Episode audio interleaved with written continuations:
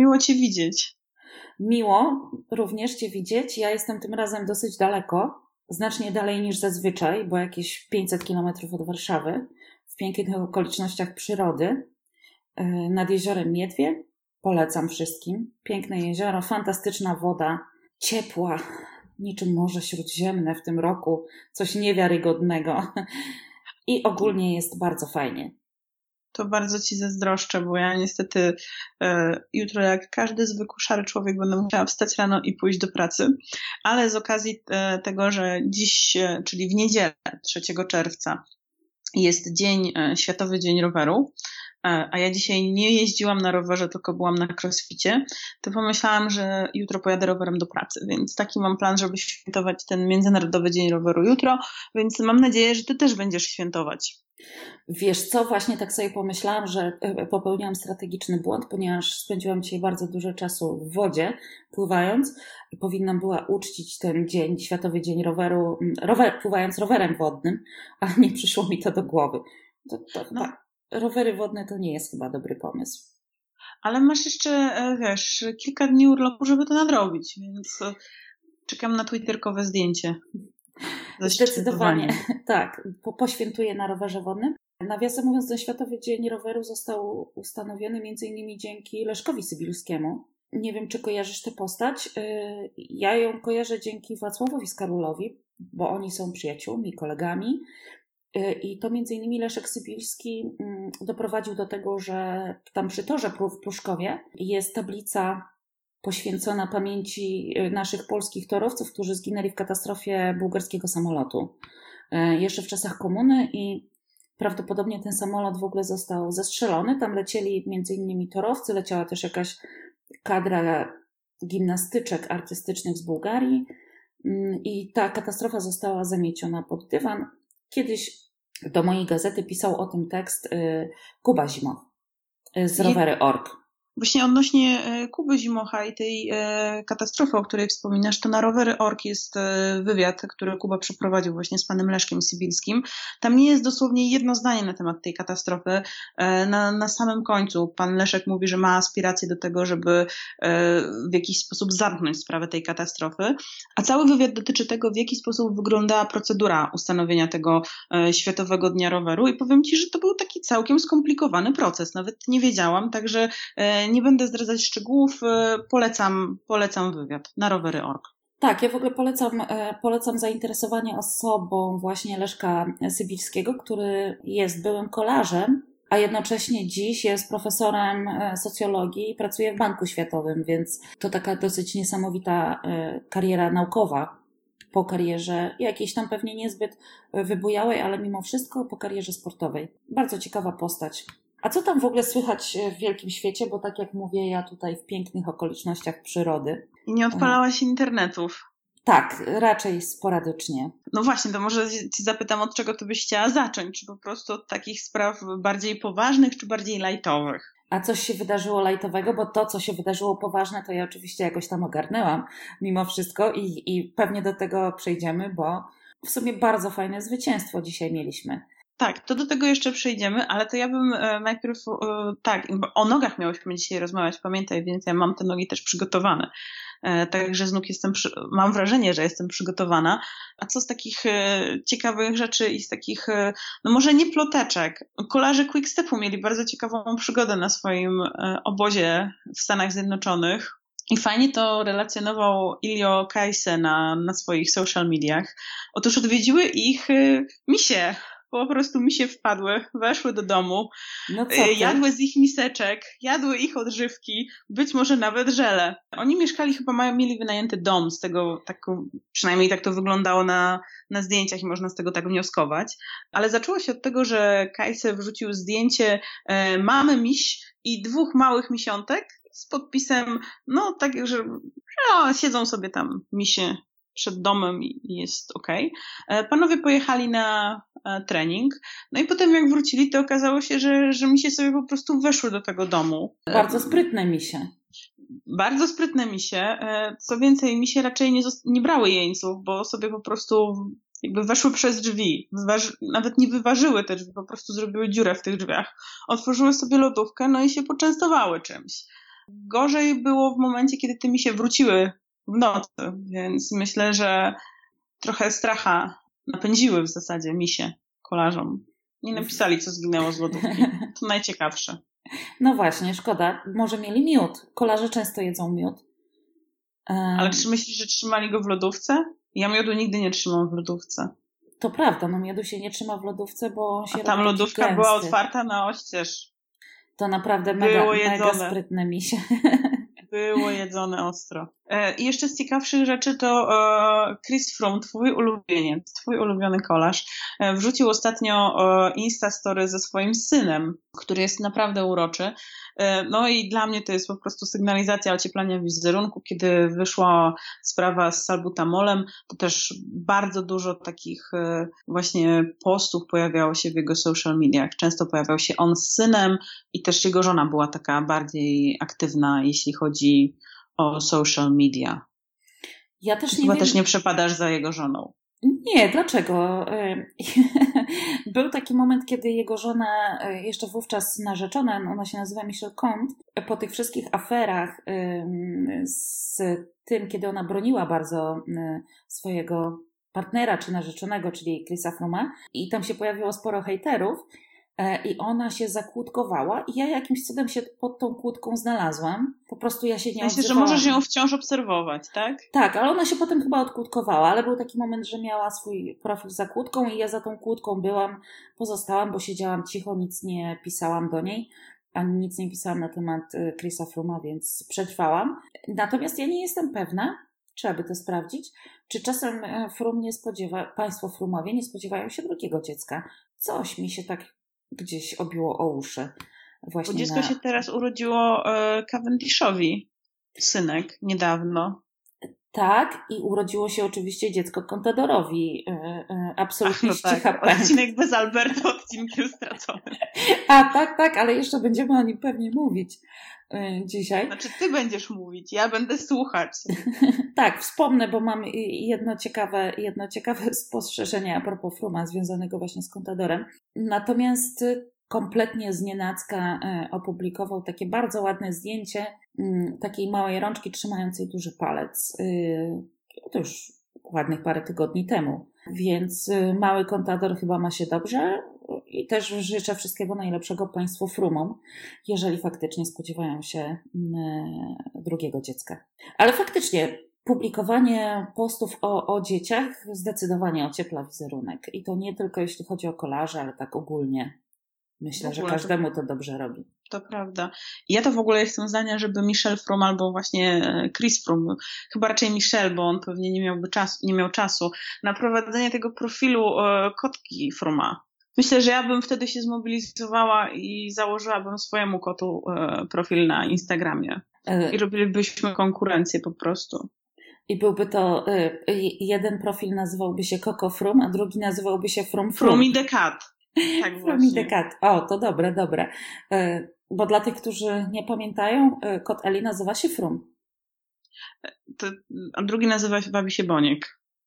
Też znaczące. Jest urodzonym prezesem. Absolutnie. Pewnie będzie, on chyba lubi piłkę nożną oglądać bardziej niż kolarstwo, prawda, Boniek? Nie, generalnie jest, e, jest ma mentalność prezesa. Ma mentalność Rozumiem. bardzo królewską, więc e, on chyba takim sportem dość pospolitym to raczej tak gardzi, bym powiedziała. Rozumiem. On czasami wszystkim gardzi, nawet mną. Jak to koty. Jak to ma, mają w swoim zwyczaju. No dobrze, ale tak trochę żartujemy sobie na temat tego fruma, a tu się pojawiło bardzo, mm, kilka bardzo ciekawych y, informacji. Na e, przykład to, w jakiej koszulce wystartuje podczas Tour de France i że będzie z tyłu y, orka. No tak, tak, to bardzo, bardzo ciekawe. Mm, Oczywiście to żarcik. Żart, żart. Ja też chciałam tutaj y, takim sucharem rzucić w tym sensie, że mm, kolarz, który opowiada o szkodliwości plastikowych toreb, też brzmi to co najmniej dwuznacznie. A o co chodzi? Znaczy, bo to sprawa jest generalnie poważna i nie ma się co z niej śmiać bo walenie połykają torby plastikowe. Orki tak, walenie, a nie orka, rzecz, rzeczywiście chyba tak. Ja się nie znam specjalnie na tych wielkich rybach, ale, ale to zagraża po prostu im wszystkim, ponieważ one jakoś tak po, pochłaniają tę wodę, żeby odżywiać się planktonem i przy okazji wchłaniają jakieś dziesiątki tysięcy worków foliowych, które im po prostu szkodzą. Nie no, absolutnie, ja się z tym zgadzam, że, że problem jest poważny i szczerze powiedziawszy to e, w ogóle bardzo dużo informacji ostatnio pojawia się na ten temat. E, nie tylko Chris Froome zwraca na to uwagę i szczerze to nie miałam zielonego pojęcia, że aż tak dużo sypu i plastikowych toreb jest w ogóle w oceanach. Nie to, że nie wiem, że, że jakby nie, nie jestem osobą, która myśli, że mleko kupuje się w sklepie i mleko jest ze sklepu, tak?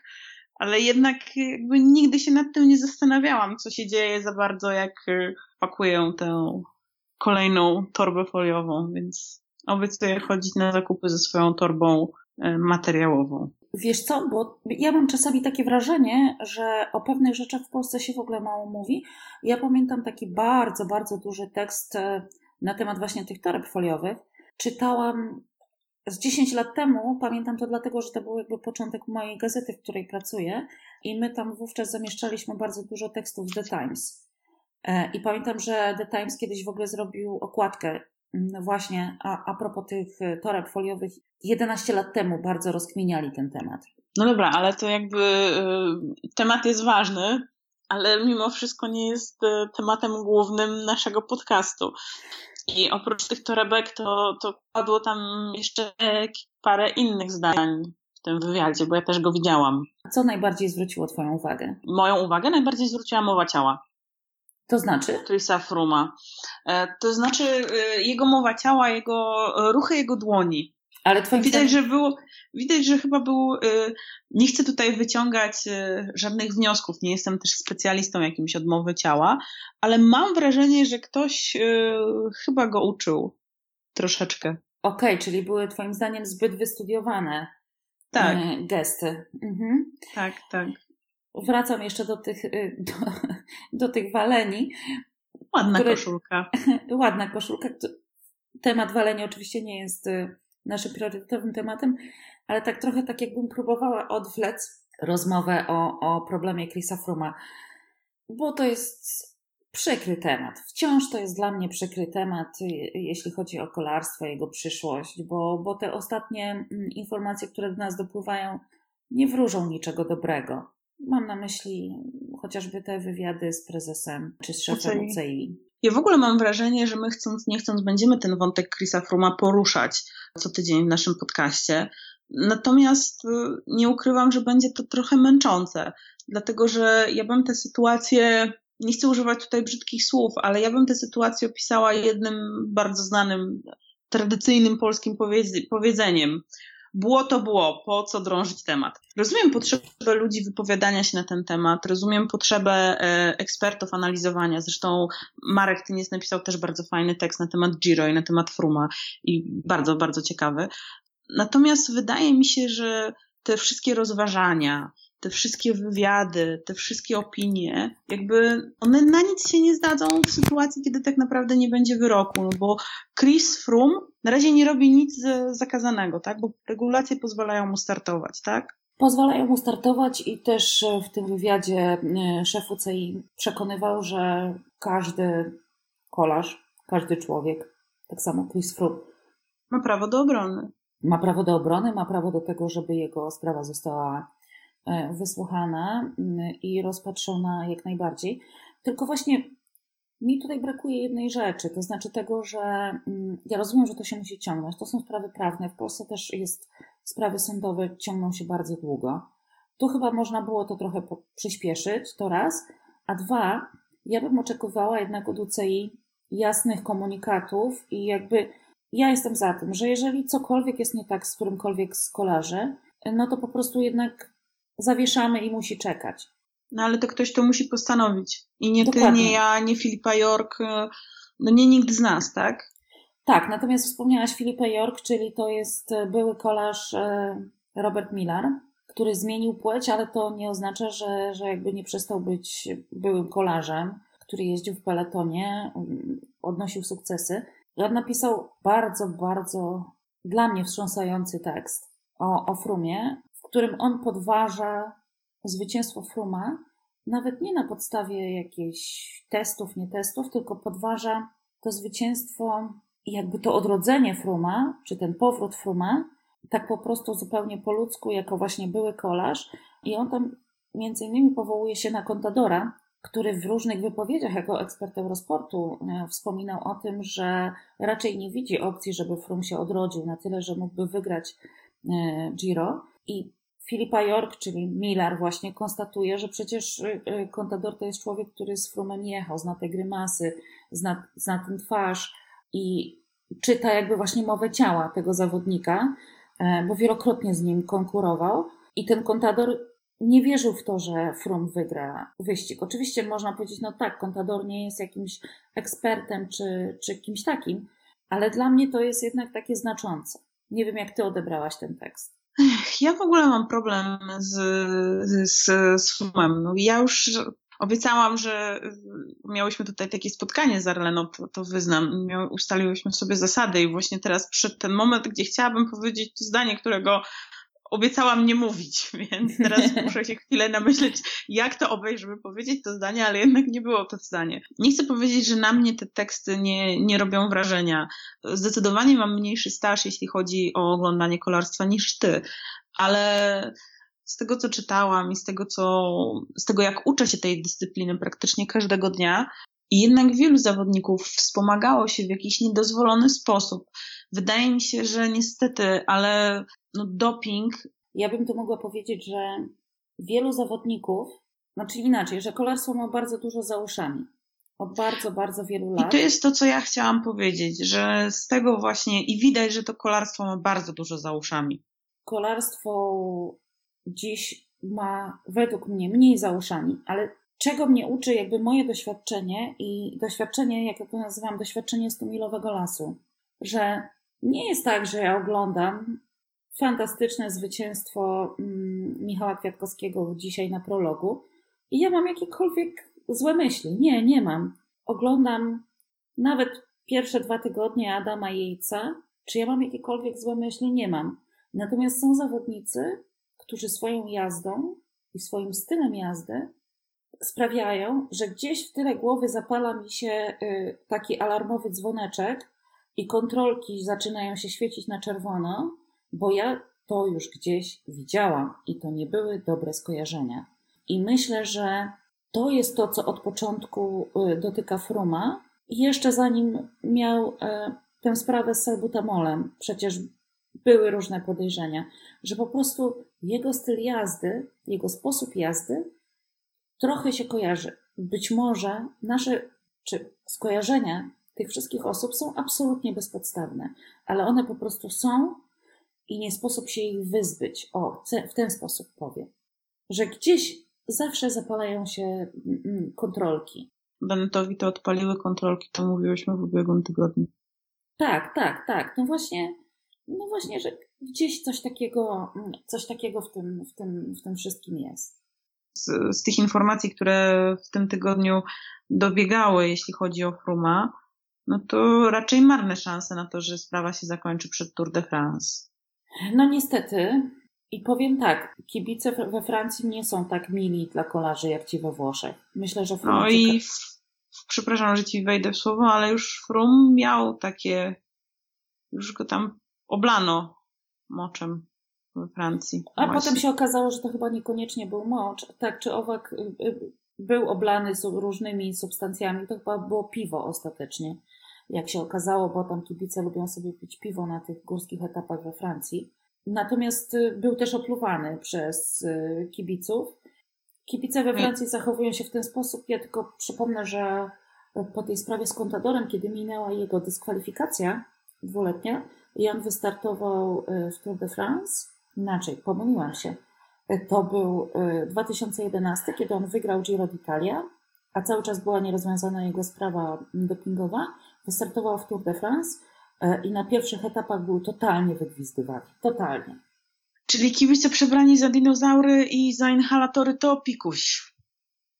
Tak myślę, tak myślę. To znaczy kibice we Francji, e, tam oni to traktują znacznie bardziej zero-jedynkowo. Chyba też mają takie poczucie e, bycia totalnie oszuki, oszukanymi przez Armstronga. Po prostu chyba są bardziej agresywni, mniej przyjacielscy niż kibice we Włoszech czy w Hiszpanii. No dobrze, to już ponieważ jest tak poważnie, to ja nie będę tutaj się wyprztykiwać z ostatniego suchara, bo on nie że jest sucharem, to jeszcze tutaj kompletnie nie pasuje, ale jak już jesteśmy w temacie Sky, to akurat w niedzielę Sky dostarczyło dużo takich pozytywnych emocji. No właściwie nie tyle Sky, co Michał Kwiatkowski. No ale Michał Kwiatkowski jeździ w Sky. Tak, ale tym razem mi się udało, ponieważ zapowiedziałam, zapowiedziałam swojej mamie w piątek, kiedy się spotkałyśmy, że musi oglądać e, kryterium Dauphiné, dlatego że e, Kwiato zostanie liderem tego wyścigu po prologu. No i tym razem trafiłam. Trafiłam, został fantastycznie pojechał. Oczywiście pojawił Bardzo się. pojechał. I pięknie wyglądał, muszę powiedzieć. Tej biało-czerwonej koszulce z logiem Sky. Tak, z logiem Sky, ale miał, na kasku miał orła, niczym skoczkowie na igrzyskach. E, wyglądał bardzo fajnie. Mam nadzieję, że Kwiato w tym roku również wystartuje w Mistrzostwach Polski w jeździe na czas i, i wygra. To dobrze wygląda jednak, jak e, poważny kolarz zakłada strój. Oczywiście, no. ja, jak założy, ja jeżeli wygra Maciej Bodnar, to również jest poważnym kolarzem i też mu życzę wszystkiego najlepszego. Ale chodzi mi o to, że jednak wolę oglądać mistrzów Polski, którzy jeżdżą w Turze. Wszystko jedno, czy to będzie Michał Kwiatkowski, czy Maciej Bodnar. Dobrze, czyli już rozdzieliłaś. Czasówkę? Czasówkę, tak. Bo Kwiato dzisiaj powiedział, że e, dla niego to też było bardzo ważne i żeby dobrze tutaj się zaprezentować, bo to chyba jego ostatnia szansa, żeby się w tym kombinezonie Mistrza Polski w jeździe indywidualnej na czas pokazać. No tak, no chyba, że wygra, e, że wygra tę czasówkę w Ostrudzie. Nie wiem, czy się wybiera, czy coś uchylił Robka tajemnicy na ten temat, czy nic nie mówił. Z tego co ja, bo ja to przyznam się, powiem szczerze, jak Rafał Majka, powiem szczerze, e, że akurat wtedy, kiedy e, Kwiato mówił, e, to mój kot, Frum, troszkę narozrabiał był. I akurat zajmowałam się ogarnianiem tej katastrofy po Frumie i tak piąte przez dziesiąte słuchałam Kwiata. Wydaje mi się, że on powiedział, że się przygotowuje, że, że, że planuje pojechać Mistrzostwa Polski, ale nie dam sobie za to obciąć żadnej części ciała. Wszystko wina Fruma. No właśnie chciałam powiedzieć, że mamy taki dosyć zabawowy hashtag. odcinek, hashtag wina Fruma, tak. Były wina Tuska, teraz są winy, winy wina Fruma. Winy czy wina? To też No właśnie, tak. Natomiast y, powiem tak, bardzo, bardzo liczę na to, że Kwiato pojedzie bardzo dobry wyścig. To jest też dla niego okazja, żeby się pokazać przed y, Tour de France. Ja widziałam taką jego wypowiedź, że on ciężko na to pracował i faktycznie jak ja z nim rozmawiałam podczas Velotoru, to on mówił, że tu wpadł na chwilę i zaraz jedzie na obóz wysokogórski. Tak, I, był na obozie, potwierdzam. Wszystko było oglądane na Insta Stories. Tak, tak. Na, na Teneryfie był chyba, tak? Tak. Y, więc y, w takim, w takiej, takim miejscu, gdzie kolarze lubią trenować. No i mam nadzieję, że, że ta forma Michała jeszcze będzie wzrastać do, do Tour de France i że znowu, znowu zobaczymy takiego wielkiego kolarza. I też jak patrzyłam na to, co robiło Sky na, podczas Giro, jeśli chodzi o Fruma, to chyba mieli więcej luzu ci kolarze na Giro, więc być może też nie będą aż tak bardzo trzymać yy, Michała Kwiatkowskiego w takiej formie, w jakiej on jest.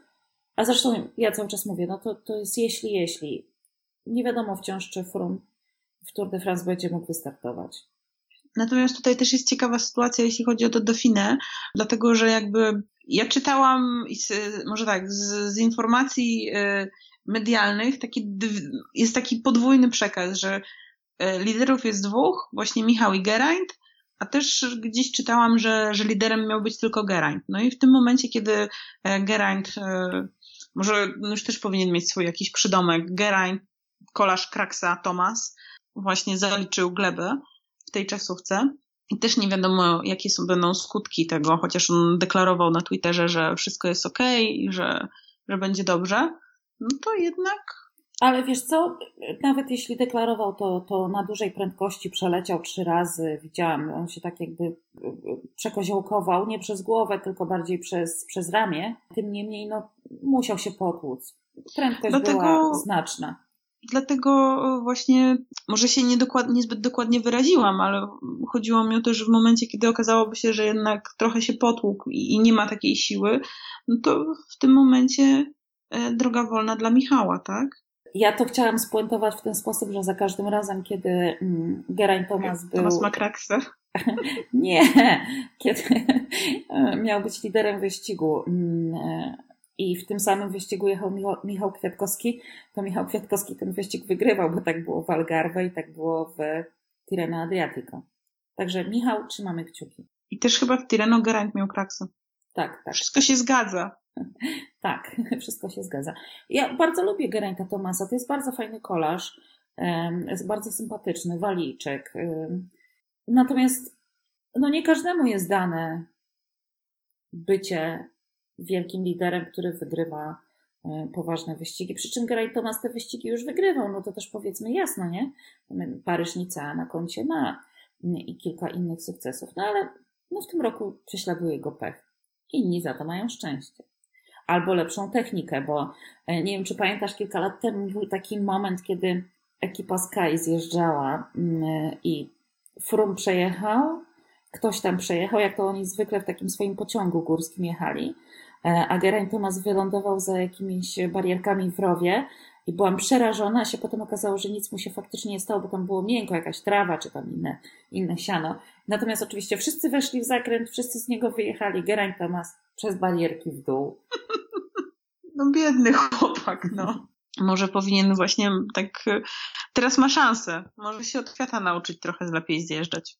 Ja jestem przekonana, zresztą pytałam kiedyś o to Michała Kwiatkowskiego, to się tylko zaśmiał e, dyplomatycznie, o to, czy Frum uczył się od niego zjeżdżać na obozie, na którym byli w zeszłym roku razem właśnie na, e, na Kanarach. E, to się tylko zaśmiał. Natomiast muszę to powiedzieć, muszę, muszę, muszę. W ubiegłym roku na Kryterium Dauphiné była jedna z najbardziej fantastycznych rzeczy w kolarstwie, których nie pokazała telewizja i oddałabym wszystko, żeby to zobaczyć. Mianowicie na jednym z etapów Kwiato ciągnął tam fruma, e, odpadł przed końcem e, wzniesienia. To był ten ostatni etap, na którym e, Richie Port walczył o zwycięstwo w całym wyścigu. Mm, I to, to się wszystko straszliwie porwało w tych górach. I Fruma gonił, Fruma gonił między nim właśnie Richie Port i tak dalej. I w pewnym momencie Kwiato, który widać było, że odpada na podjeździe, zmaterializował się w pierwszej grupie. On po prostu zjechał absolutnie jak szatan.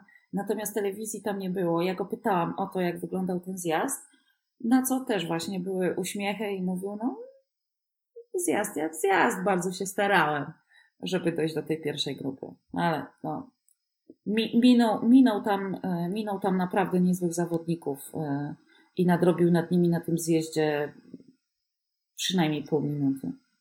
Czy ja jak oglądam Kwiatkowskiego, jak zjeżdża i akurat w pobliżu jest kamera, to moja mama zawsze miała taki nawyk i w sumie cały czas mam, niezależnie od tego, do jakiego samochodu wsiada, że chwyta się ręką, nawet nie wiem jak, jak to nazwać, nie, nie wiem co to jest, chwyta się ręką za to, za ten taki, kurczę, jak to się nazywa? Wiesz o co chodzi? Wiem, takie w samochodzie, które jest zawsze nad, nad szybą. Tak, e. dokładnie. Tylko mam nadzieję, że e, ludzie, którzy nas słuchają, wiedzą o co załapią o co chodzi. E, w każdym razie moja mama zawsze się tego chwytała i jak ja oglądam kwiata, to mam taki odruch, że po prostu mam ochotę się tego chwycić dwoma rękoma i po prostu trzymać, bo no nie, ja jestem, no masakra. W sensie jakby wielki szacun, ale no ja bym się po prostu bała bardzo. Ja zawsze jak jadę rowerem i po prostu gdzieś mam zjazd, to ja od razu ręce i nogi i w ogóle hamuję. Jakbym miała wymienić trzech najlepiej zjeżdżających kolarzy w odpowiedniej kolejności, to wbrew temu, co się powszechnie sądzi, byłby Kwiato, Sagan, Nibali. Nibali na trzecim miejscu. No właśnie, kurczę, ja tutaj jak zaczęłam jak zaczęłaś wyliczankę, to myślałam, że to już będzie Nibali. Nie, dlatego że e, Nibali się parę razy na zjazdach wywracał, na Giro d'Italia. Oczywiście zjeżdża fantastycznie. A jeszcze jest jeden kolarz, który zjeżdża fantastycznie i zjeżdża świetnie, kiedy jest mokro. I to jest Polak. Marek Rutkiewicz.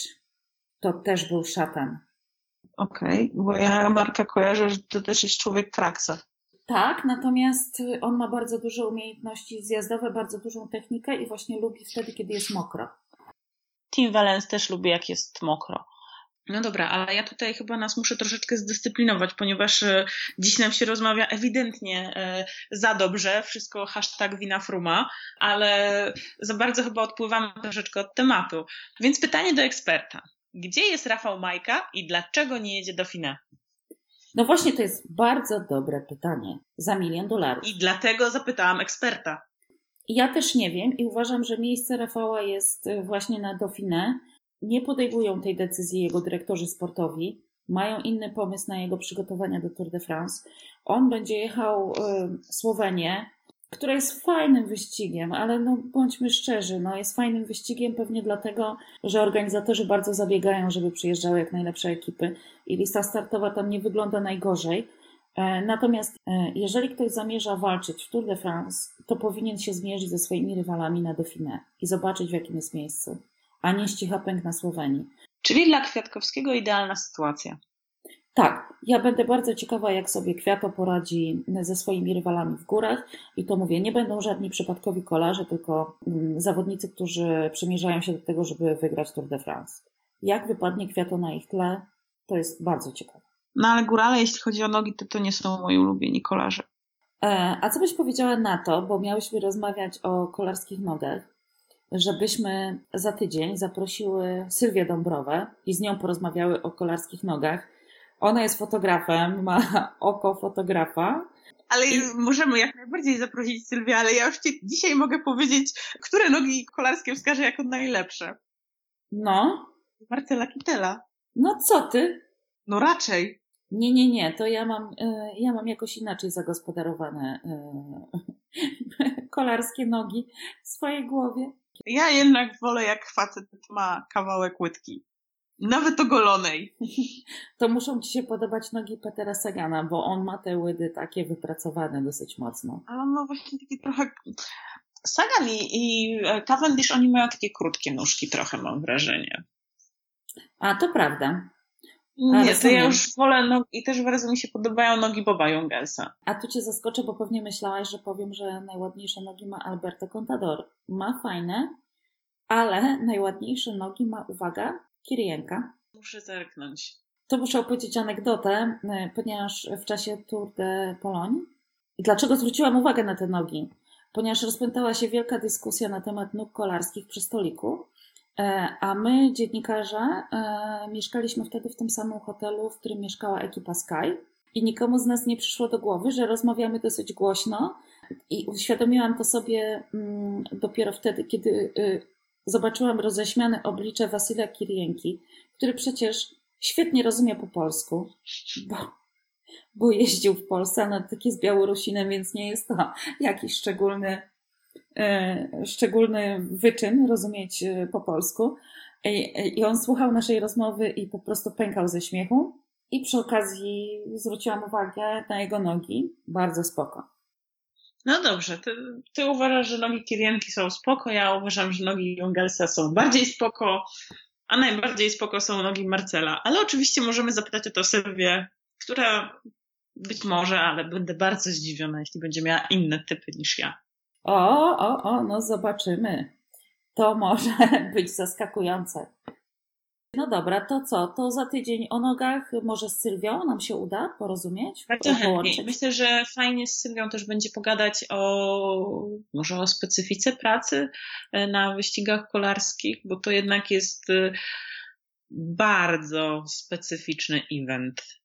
Tak, i trzeba wiedzieć, jak się robi, y, jak, jak robić zdjęcia y, na wyścigach kolarskich. Trzeba też wiedzieć, jak się logistycznie ogarnąć, bo to jest moim zdaniem podstawa. Dokładnie, y, dokładnie tak jest. Jest to niełatwa, niełatwa robota.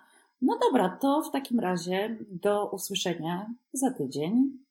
Tymczasem, bye bye to ja bym się pożegnała na misia, ale myślę, że kolarzek z Quickstepów by nie chcieli. Pani, pani kolarzy z Quickstepów by nie chcieli. No to dobranoc. Miłego tygodnia. O właśnie, miłego tygodnia i trzymamy kciuki za Michała Kwiatkowskiego. No tak, tak. To wszystkim, e, wszystkim jeszcze przy okazji możemy życzyć udanego tygodnia, no i będziemy chyba trzymać jeszcze kciuki za kwiatka. Bardzo. To trzymajmy. Dobranoc. Ach, zapomniałam o jednej rzeczy, tak na koniec szybciutko. Tak? Bo kwiata miał przecież urodziny, a w urodziny no się nie ścigamy. Ale dzień po urodzinach się ścigamy. Się ścigamy. To bardzo słusznie. No, tak. I trzymamy kciuki. Trzymamy.